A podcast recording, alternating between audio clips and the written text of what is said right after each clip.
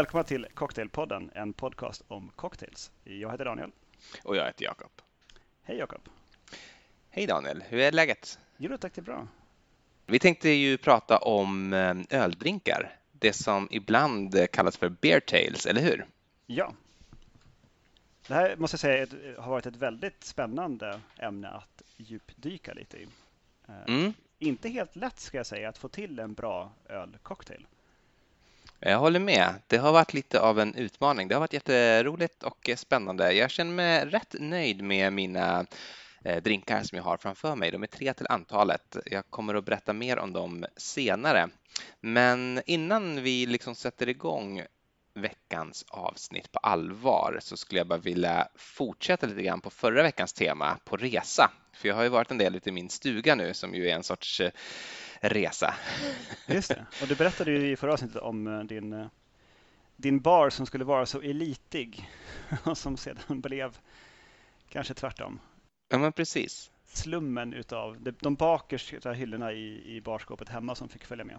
Mm, och vi har ju jobbat lite grann med det nu och jag har ändå tyckt att det har varit både roligt och även haft vissa framgångar. Eh, jag tänkte eh, bara nämna två eh, cocktails som vi har gjort i veckan från den här stugbaren då.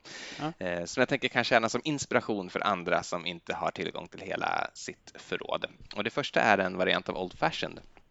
Jag tror jag nämnde att jag hade en flaska Aperol där ute. Det berodde ju inte på att jag tycker Aperol är dåligt och därför tog ut det utan för att vi hade två flaskor Aperol hemma. Och så gick vi faktiskt till systemet i Gnesta och köpte en bourbon också. Så jag har gjort Old Fashions på um, Aperol och eh, Fee Brothers eh, eh, apelsinbitters och eh, socker och eh, bourbon och det har varit en fantastisk eh, bekantskap kan jag säga. Fee Brothers apelsinpess bitters. Ja, tillsammans med Aperol och bourbon. Nice. en, en, en, en, fantastisk variant faktiskt som jag uppmanar alla att pröva det hemma. Eh, men en, säg en skvätt. Okay. Vi har ju inga mått där ute heller så att det är ju, det är ju i skvättar och häll. Gammaldagsigt ändå. Ja, så, så att eh, ett stänk, ett stänk apelsinbitters, en skvätt Aperol och två häll bourbon. Okej, okay. och en näve is då eller? Eh, ja, men is ungefär upp till, till kanten på det lilla Ikea-dricksglaset som stod där sedan förra ägaren. Eh, och vi har också då tänkt att vi skulle göra dry martinis men inte haft någon gin. Däremot så stod det en flaska OP där ute faktiskt. Så vi har gjort eh, dry martinis med eh, torr vermouth och eh, OP, den här eh, akvaviten. För, förvånansvärt gott. Riktigt, riktigt, riktigt bra. Kummin och vermouth är som gjorda för varandra. Det är lite av en ny favorit som jag tror att jag kommer att göra hemma där jag har tillgång till hela baren. Så där har ni också ett, ett tips direkt från stugan. Kommer vi att få eh, se lite bilder på de här stugcocktailsen också? Eller har du inte haft telefonen med dig ut? Jag har ju haft telefonen med mig ut men tror jag inte haft, haft närvaro nog att fota dem. Men vi ska ut i stugan igen eh, i veckan då så det kan ju hända att det blir eh, läge att fota då. Jag ska självklart vinnlägga mig om att försöka ta en bild på dessa kreationer. Gott. Eh, vad har du framför dig? Ja, jag har tre stycken eh, öldrinkar och eh, jag vet inte riktigt vilken ända jag ska börja. Jag, jag tar upp en här. Jag vet inte om du ser den. Det här är en variant av Manhattan. Jag har tänkt så här i mina eh, Eh, när jag har gjort eh, mina drinkar för den här veckan att eh, jag har tagit vanliga drinkar och funderat lite grann på ingredienser där man kan eh, sätta in öl istället för den ingrediens som receptet ursprungligen innehåller. Och eh, vermouth är en av de ingredienserna som jag har funderat på. Det var för övrigt när vi var på Dandelion i eh, London så hade de ju gjort egen vermouth där baserat på öl. Så det är inte, vi är inte liksom de första som, som tänker att vermouth och öl är lite, lite lika. Eh, det finns ju ganska söt och kryddig öl, precis som vermouth är. Även en torr vermouth har ju en viss sötma. Och eh, det här, i det här fallet så har vi tagit en belgisk vitt, nämligen eh, den mest berömda av dem alla, Hågarden. Eller Hojarden kanske man säger. Hojarden. Du, du, som, du som har bott Hojarden får det nog bli tror jag. Hojarden. Ja, men du måste få till det riktiga harklandet. Det är viktigt. Just det. Eh, Hogarden då, som vi säger, det är ju en, en, en, en, en veteöl. Och veteöl, det kan ju, det finns ju två huvudsakliga varianter av veteöl. Eh, vilka är det Daniel? En kristall och heffe eller jag vet inte. Nej, jag, Nej, jag sätter det mig på, på pottkanten, kanten ja, det, det är jäskaret. Ja, det var, det var taskigt. Eh, det jag tänker på är ju sydtysk eh, eller bayersk veteöl och belgisk veteöl. Jaha. Eh, dessutom så finns det ju också något som heter Berliner Weisse. Ja, då finns det ju tre sorter. Ja, det finns det. Men, men den är så marginell. Den, den säljs i princip inte utanför Berlin och är heller ingenting man dricker bara som det här, utan det i och för sig skulle man kunna haft med här, för det, det blandar man alltid. Det brukar man blanda med saft mm. för att det är så surt så att det går liksom inte att njuta av. Eh, Mikkeller har gjort en, en, serie med alkoholfri öl mm. eh, som finns på Systembolaget. Och där har de faktiskt en, en Berliner Weisse eh, som är alkoholfri. Just det, det stämmer. Som också är väldigt, väldigt god. Det är den, men den kan man ju då med fördel blanda med lite saft, till exempel den här röda vinbärssaften som jag vet att du eh, har hemma där någonstans i gömmorna. Eh, men hur som helst, de, de två stora eh, varianterna av veteöl är ju tysk och, eh, och belgisk och Eh, den tyska är väl kanske den, den allra, allra vanligaste i Sverige. Det är ju till exempel Paulaner eller eh, vad heter de, eh, Weinstefaner etc. etc. Eh, liksom som, som smakar nejlika och skumbanan ganska ofta. Kan ibland ha en liten ton av rök också, men, men för övrigt ganska ren i smaken. De, eh, de liksom, ska man säga, lite spaciga smakerna kommer från jäsningen. Man använder en speciell jäst som kan ge de här skumbanan-estrarna. Kul instick där för övrigt. Vi, mm. vi bryggde öl när vi bodde i Norge med gäst som var Vajestepaner gäst. Ja. Alltså deras, deras liksom bespoke gäst. Och så eh, startade vi i samma veva en, en, en surdeg för bröd. För sånt gör man när man är en, en, en, en kar i mellan 30 och 40 och har skägg. Mm. Um, och då tog den surdegen den här banansmaken som Weihenstephaner har i sin öl. Oj. Och rätt länge så smakade liksom brödet lite så bananigt. Bananbröd alltså? Ja, precis. Det var jättemärkligt. Men sen till slut så verkar det som att andra gästsorter tog över i den här eh, blandningen och sen så slutade det efter ett tag. Men det var en spännande att den liksom ändå, för då, vi gjorde det inte med flit, utan det var bara att vi, vi hade bryggt öl i det köket och vi hade den här surdegen i samma kök. Mm. Och så hoppade det liksom över dit och började växa. Det sånt kan verkligen hända. Intressant, roligt.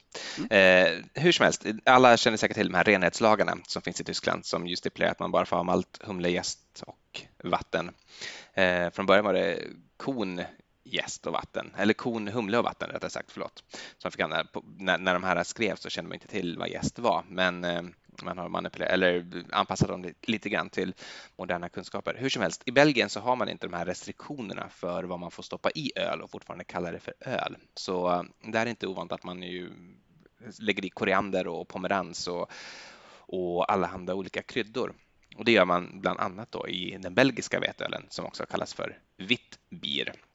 Och min tanke är att jag ville ha när jag, när jag skulle substituera Eh, öl eh, för vermouth då, så vill jag ha någonting som var ganska kryddigt, precis som en, en vermouth kan vara. Så därför har jag en belgisk veteöl och med den har jag gjort en Manhattan.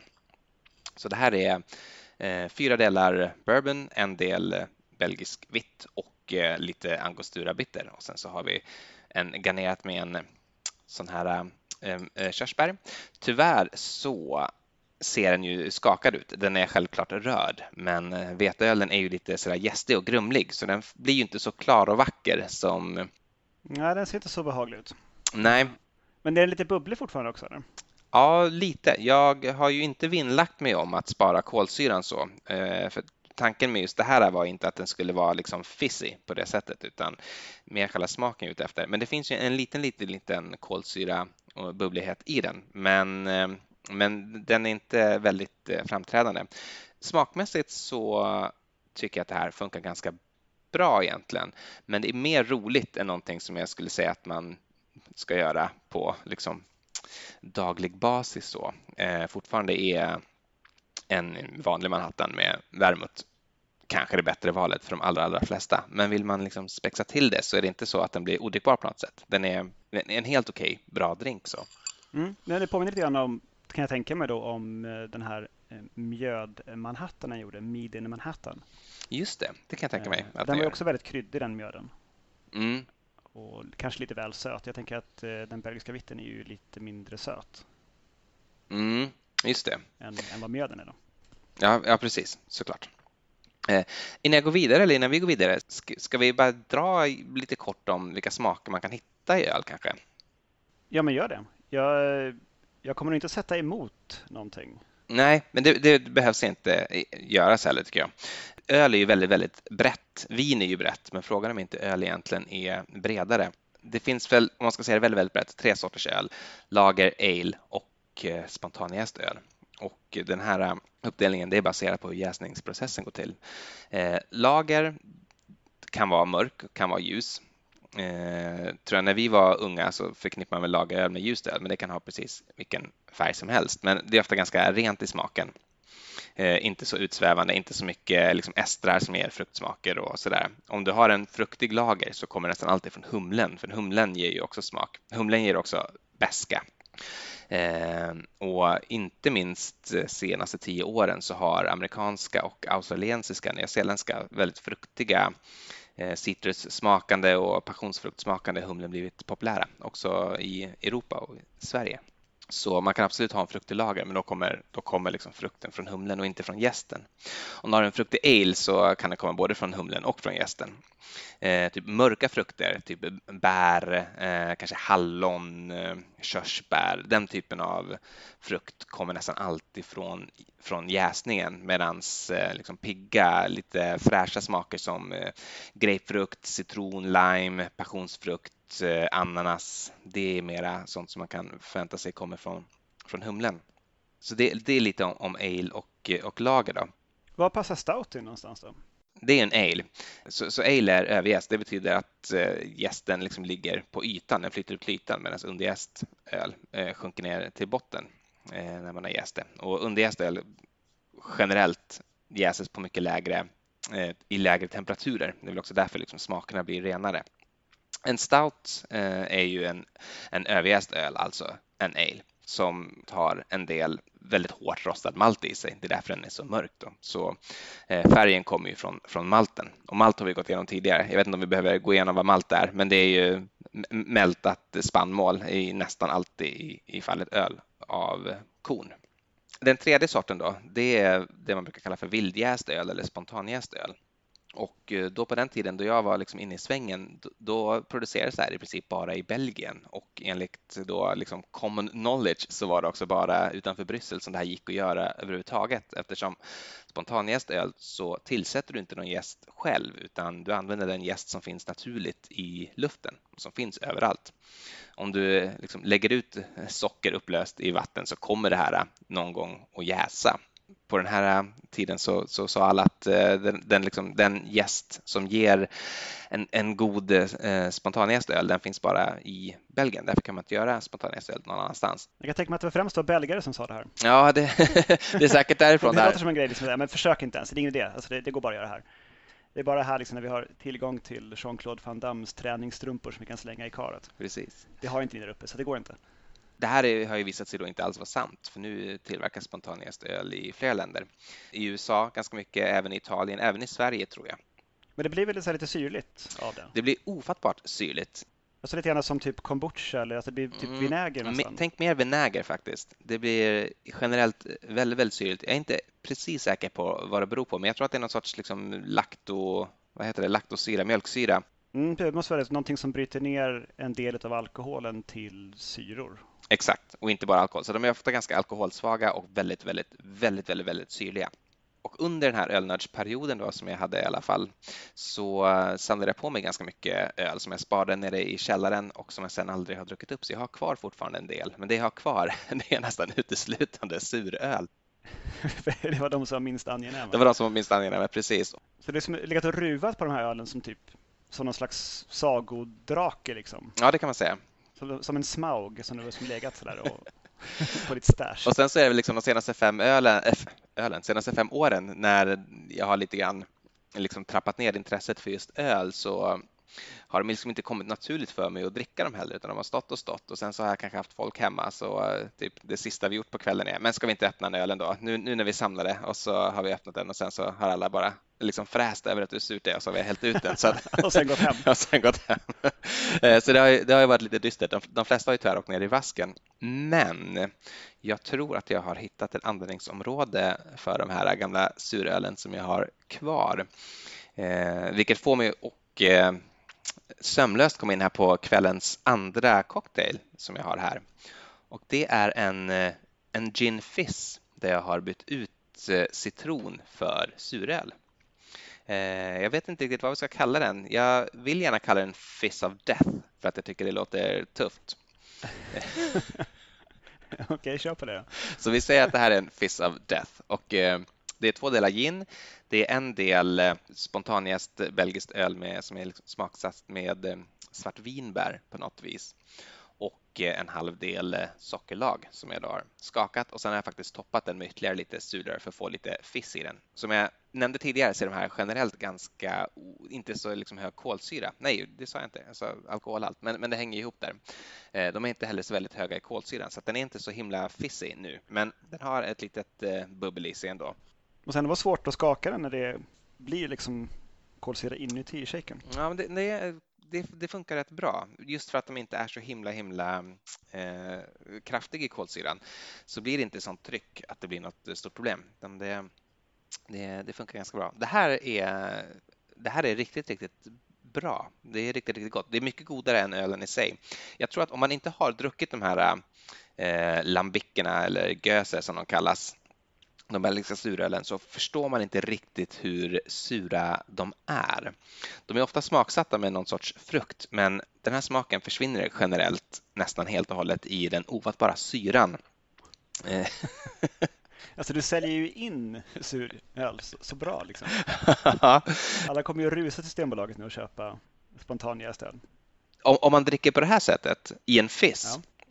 så kommer liksom de här fruktsmakerna fram otroligt väl. Så det här smakar hallon och svartvinbär och liksom bara sommar eh, tillsammans med lite malt och lite stall som är också en sån vanlig, vanlig smak på eh, spontanjäst eh, belgiskt öl. Fantastiskt bra. Otroligt bra. Det här är, det här är en riktig vinnare. Det här tycker jag det, det, det är godare än någon av ingredienserna i sig själv. Ja, det är godare än ett stall hoppas jag. Ja, det är mycket godare än ett stall. Eh, om den här Manhattan var bara eh, liksom en, en, kul grej som funkar, någonting man kan liksom spexa bara för kul, så är det här eh, det här är någonting som är, är värt att göra i sin egen rätt. Det är precis som vi konstaterade när vi hade vårt FIS-avsnitt, en härlig somrig drink som eh, jag har faktiskt gjort tidigare under veckan också och som jag tror att jag kommer att fortsätta göra. De flaskor med suröl som jag har kvar tror jag kommer att förtäras på det här sättet. Skulle du vilja säga att det där kan vara 2018 årets sommardrink? vi börjar ju sommaren, eh, liksom, vi är väl halvvägs då minst, men eh, absolut, det skulle, det skulle Sensommardrinken 2018? Det, skulle definitivt kunna bli augustis eh, stora drink 2018. På alla släppar, i alla strupar, en fizz of death. Mycket bra. Otroligt. Jag är väldigt nöjd med den faktiskt. Väldigt, väldigt nöjd. Mm. Vill du göra ett litet eh, instick eller ska jag gå vidare direkt på min tredje drink? Det ska du inte. Jag tänkte göra ett litet instick faktiskt med mm. eh, någonting som jag hittat från eh, en bok som heter Cocktails on Tap från 2015 av Stuart Tabori och Chang heter författarna. Mm. De har gjort en, en liten kortlista på eh, olika typer utav ölcocktails, alltså olika sätt man kan använda eh, öl i cocktails. Det är dels eh, vad de kallar för prepared beers, alltså smaksatta öl. Och då har de då Micheladan som vi har nämnt tidigare i Cocktailpodden. Man har liksom kryddat upp en, en, en lageröl med worcestersås, eh, tabasco och lime och i vissa fall även tomatjuice, även om det då ibland kanske kallas för en red eye Just eller någonting liknande. Um, och sen så kan man också ha en beer topped cocktail och då har man gjort en, en cocktail och sen så har man lagt på öl som någonting bubbligt på slutet. Det har jag faktiskt en sådan med mig här idag som jag kan komma tillbaka till. Mm. Och sen kallar de för en, en Beer Incorporated Cocktail. Och då har man det som du har gjort där, då, att man har med din Manhattan till exempel, där ölen är en av de huvudsakliga ingredienserna i ölen och liksom är med i, i, i, i cocktailen och är med i själva skapandet av cocktailen, vad man skakar eller rör. Och sen gamla historiska varianter då, som beer flips där man har hela ägg och även mjölkprodukter med i en skakad cocktail. Mm. Som man också värmer va, med ett sånt järn, glödgat järnspett. Allra helst ska man göra det. Man ska ha en sån liksom, en, en eldpoker som, som man kan peta ner. Uh, vi ska ju återkomma till det, det har vi lovat flera gånger, men snart ska det väl faktiskt vara dags att göra det i Historiedrickarna del 1, mm. uh, då vi går till kolonialtidens USA och uh, gör sådant. sen kan man också göra siraper som innehåller öl och därmed får med ölsmaken i en cocktail. Och man kan också göra punch, alltså sån bål på svenska, där man har öl med som en huvudsaklig ingrediens. Och även värmda öldrycker förutom flips då, som där man inte har ägg med. Det här är då de sju stilarna som eh, Stewart Tabori och Chang har hittat på. man kan gruppera ölcocktails i. Och jag kommer faktiskt inte på riktigt någon annan. Um, det skulle möjligtvis vara om man har ölskum som en ingrediens som jag var inne på i skumavsnittet. Att man skulle kunna göra ett skum bara utav ölen och få en ölsmak på en drink som annars inte har öl i sig. Just det. Men då är ölen någon form av garnering i sådana fall i en åttonde kategori, garnerad med öl. Men vart kommer ehm, en, en, en Boilermaker till exempel in i den här? Alltså de blandas väl inte riktigt. Alltså där dricker man inte sin shot och sen tar sin öl till en boilermaker? Eller släpper man ner den i? Alltså det, finns ju, det finns ju olika skolor där, men det, det, det finns ju definitivt där du släpper ner också en, en shot med sprit i en öl. Mm. Ja, då blir det den första kategorin, prepared beers, där du kryddar en öl med någonting. Men själva huvudsakliga drycken är ju ölen. Mm, just det. Så då, då hamnar du i den kategorin, och om du gör en ubåt eller liknande, där du släpper ner sprit i en tysk öl, gärna i ett glas format som en stövel. Just det, så att det blir Das Båt. Das Boot. Das Boot på engelska och därmed en ubåt. ja. Så det är kort, kort insikt men den cocktailen som jag har gjort eh, som faktiskt passar in där i en beer topped cocktail är eh, The Beer's Knees. Alltså som det är en Bees Knees, mm. det vill säga en, eh, en gin cocktail som är sötad med honung och syrad med eh, citron. Den här är då toppad med eh, Weissbier. Ah, och eh, vilken eh, Weissbier har du använt? Eh, det här var Schneiders Weisse Um, men då är det en och en halv ounce gin, ett ounce citronsaft, eller eh, citronjuice, eh, ett ounce honungssirap. Då är det en del honung, en del vatten. Där har jag ett litet tips faktiskt.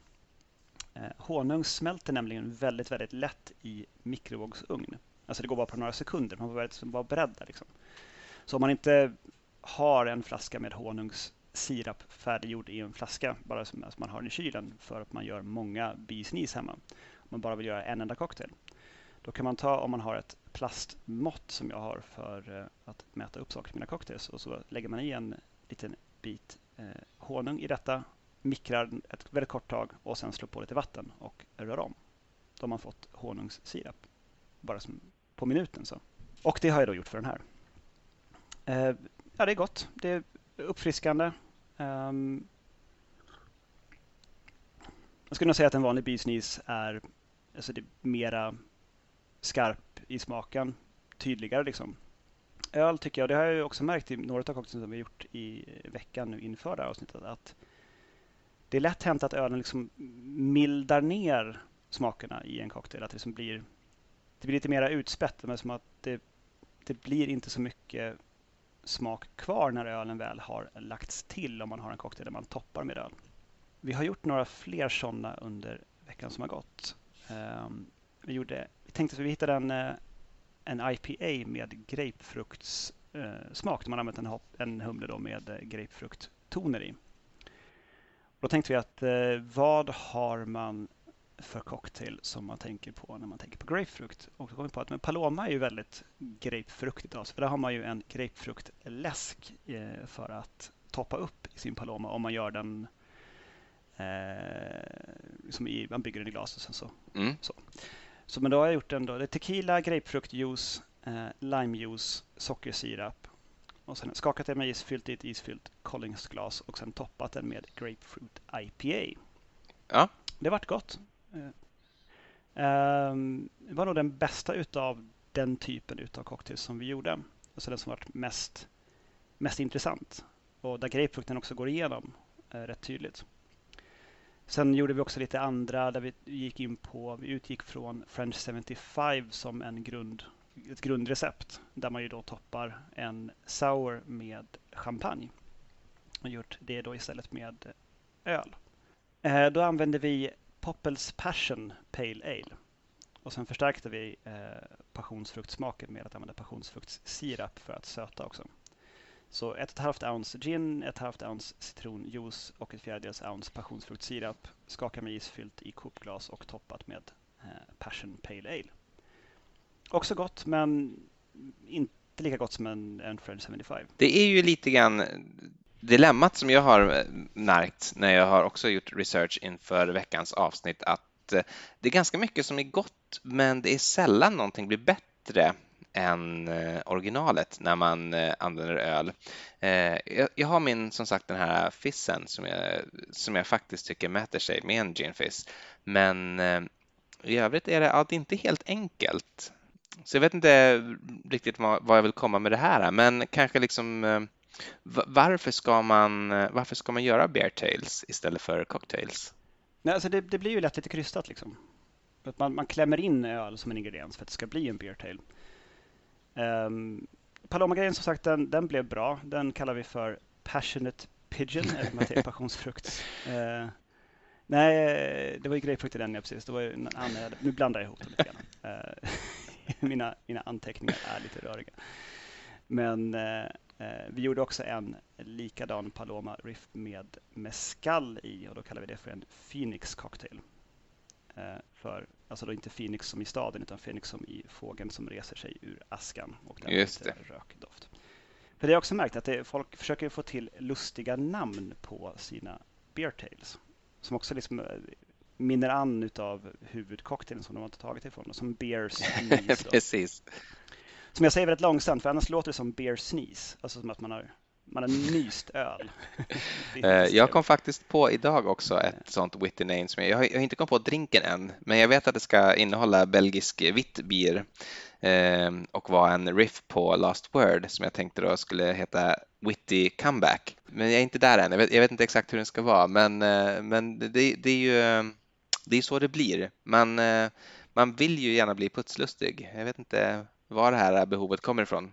Ja, nej, precis. Det finns ju även uh, Dark and Stoutly som är en Dark and Stormy riff där man istället för uh, Ginger Beer har Stout förstås. Så det är rom, lime, bitters och Stout.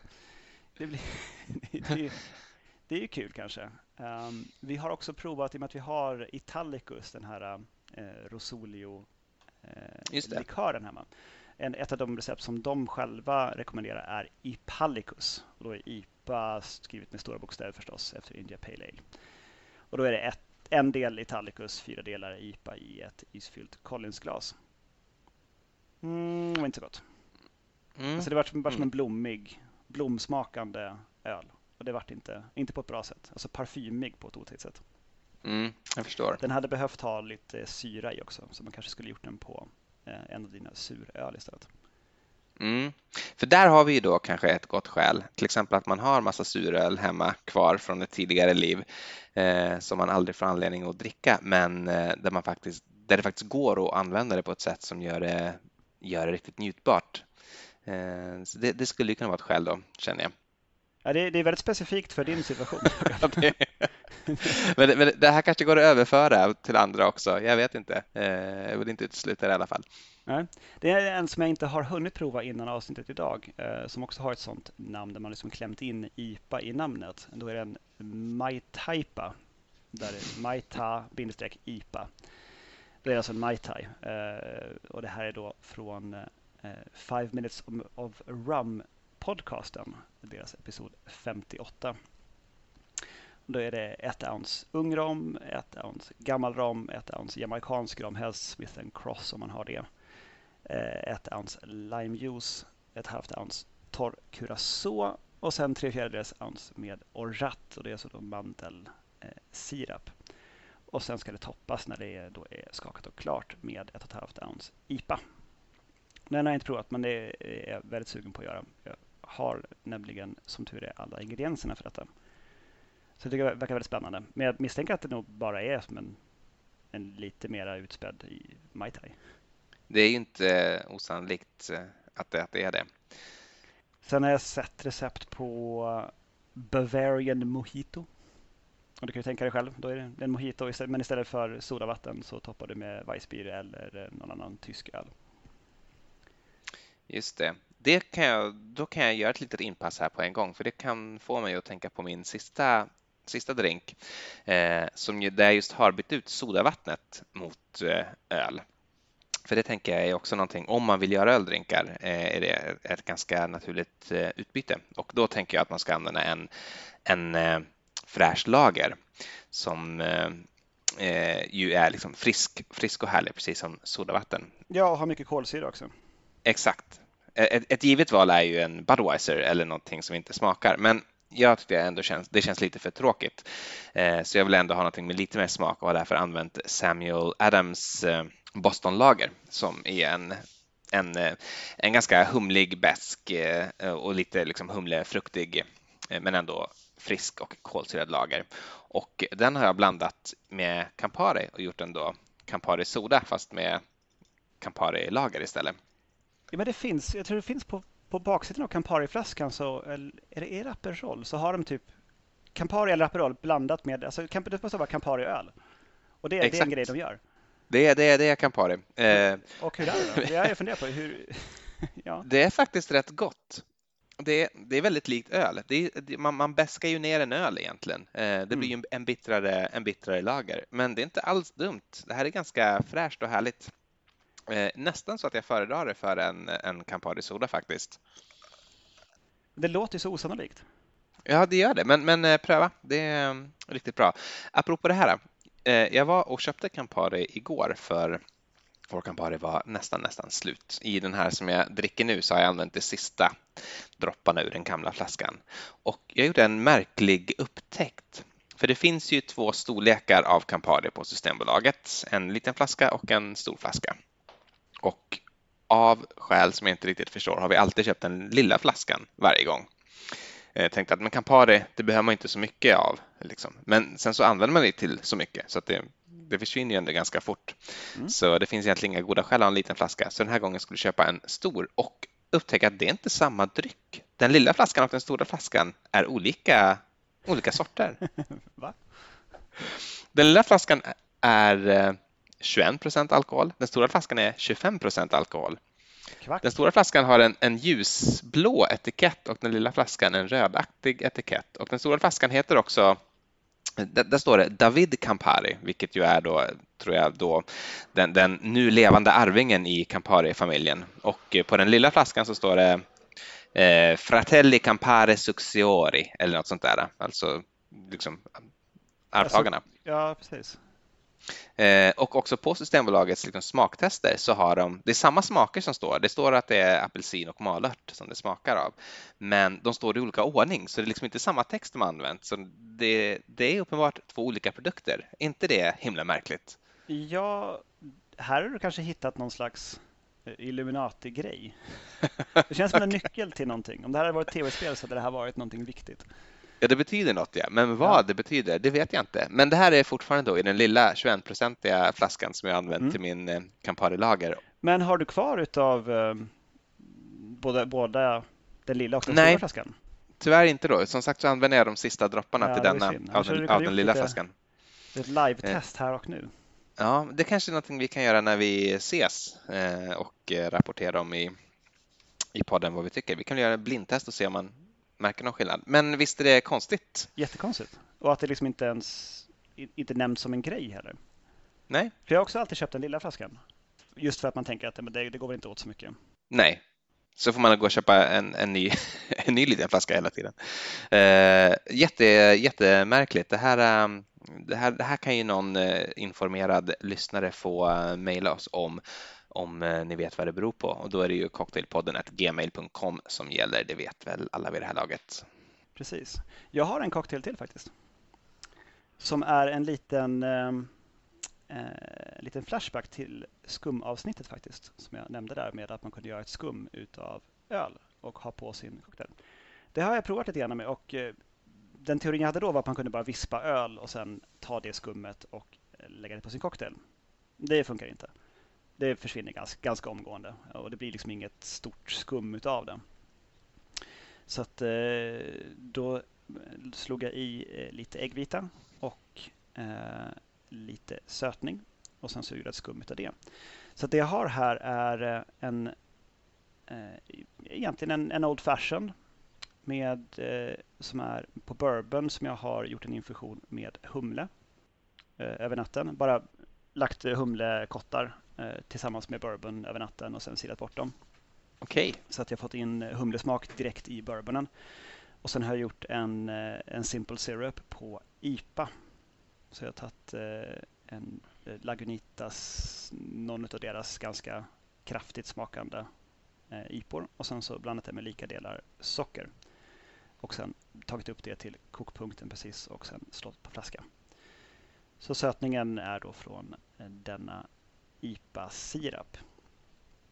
Så både malt då, maltighet från, eh, från IPAn och Eh, sen humle då från bourbonen och även från IPA-sirapen. Och sen toppat med ett skum som då också har smak utav humle och malt från samma sirap som jag använde i Old Fashionen. Och den, den, är, den är väldigt, väldigt, eh, väldigt humlig.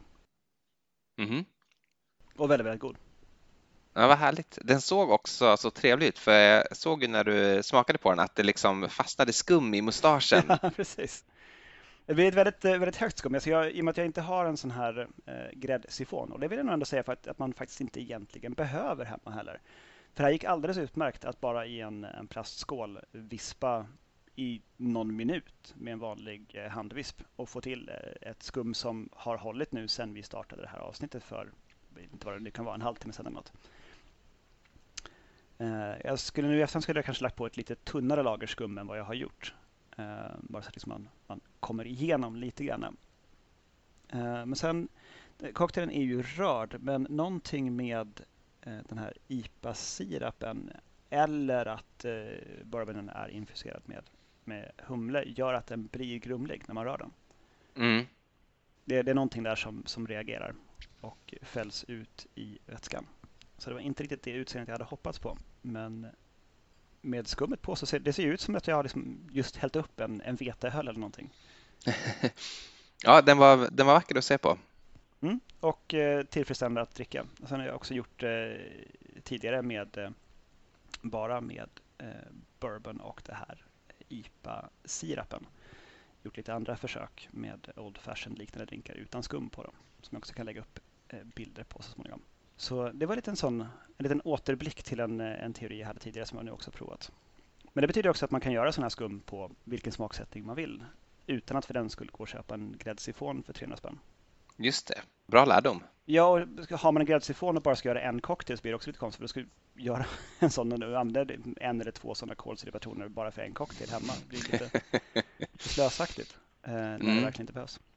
Men ja, jag känner att vi har liksom rundat ämnet väl. Det har vi väl gjort. Jag vet inte, det, egentligen inte. Det finns ju kanske några bara liksom klassiska öldrinkar eller någon i alla fall som vi bör nämna. Jag tänker kanske i första hand på Black Velvet. Just det, stout och champagne. Stout och champagne gjort eh, efter att, är det prins Albert av England? Något sånt där 1860-tal som dör och eh, hovet började bära svarta sammetsbindlar för att visa sin sorg och eh, en duktig entreprenör såg en chans att göra pengar. Här har vi någonting vi kan slå mynt av. Och det var tror jag också väldigt eh, poppis. Det var nog liksom det man drack där under flera år i London om man skulle visa mm. sig eh, som royalist. Har du provat det någon gång? Ja, det här det drack jag ju mycket under min ölnördsperiod. Då köpte jag ofta, då, inte champagne kanske, men eh, någon billig skumpa, säg eh, vad heter den nu då? Eh, Chapel Hills eh, väldigt äppliga, pigga, härliga mousserande vin och blanda med, eh, med, med, med Guinness och eh, det är ganska det är ganska lent precis som sammet är så ja, det tycker jag är eh, väl värt att dricka. Jag tror inte att jag skulle göra det igen, men om jag var på en fest och någon eh, erbjöd mig en så skulle jag bli väldigt glad och dricka den med god aptit.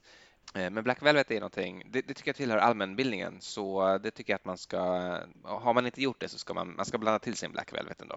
Eh, vi har ju nämnt Michelada och Red Eye. Eh, jag skulle också bara vilja nämna Lunchbox som jag har, som jag har liksom dykt på flera gånger under eh, min research på flera olika ställen eh, som jag hade tänkt göra till veckans avsnitt, men sen så gick jag en annan väg. Så jag har faktiskt inte prövat den än, men det är någonting som är stort i Wisconsin och eh, eh i delar av USA, men framför allt Wisconsin och mellanvästern där verkar det som. Och det är då lager och apelsinjuice i lika delar, en shot amaretto.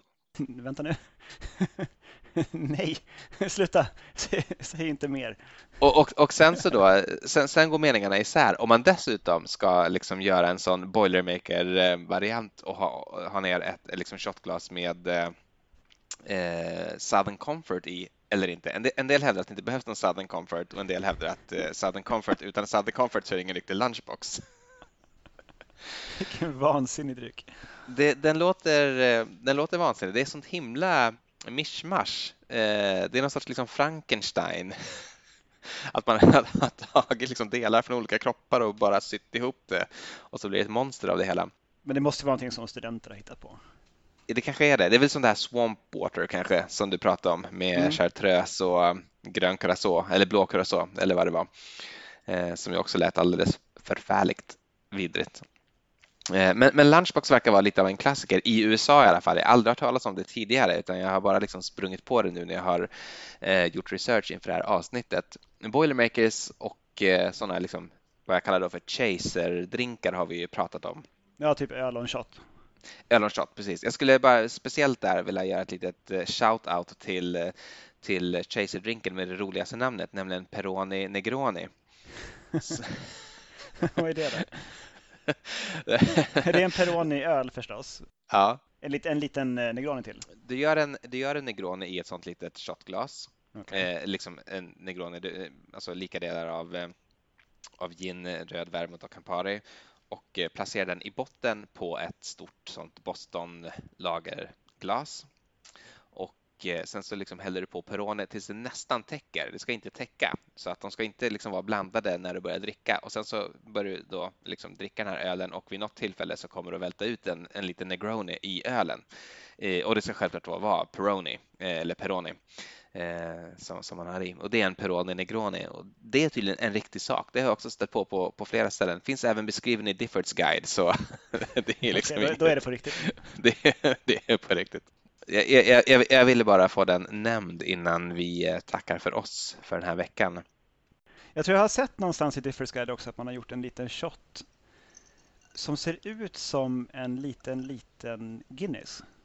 Ja, just det, en Baby Guinness ja om det är, det är någon, någon svart likör. Jag, jag, tror att det är, är Kahlua med lite eh, Baileys på. Eh, Baileys på exakt. Ja. Och det är då en, en, en mini en mini Guinness. Just det. En vansinnigt söt sådan. Ja, väldigt gullig. Säkert ganska gott. Jag kan tänka mig det. Ja, men det är ju ingenting äckligt där. Det är kaffe och kaffe och likör. Precis. Vad är det att inte tycka om? Om jag får för, försöka nu efter avsnittet eh, nästan är slut eh, svara på min fråga där, varför ska man göra öldrinkar då när det sällan blir bättre och eh, på sin höjd blir lika bra? Så kanske det är så här då. Att vara människa är ju att att lära sig saker, att experimentera och att försöka komma vidare. Och man hittar ju inte alltid rätt, man hittar i själva verket nästan alltid fel. De flesta vetenskapliga experiment som görs, de bekräftar bara att en tes man hade inte stämde och jag tänker liksom det kanske, det kanske är den inställningen man ska ha också till, till cocktails. Att eh, det blir inte alltid bättre, men om man tänker så så kommer man ju aldrig vidare. Jag tror att eh, man kan göra bear tails för att man är på jakt efter, efter Higgsbosonen helt enkelt.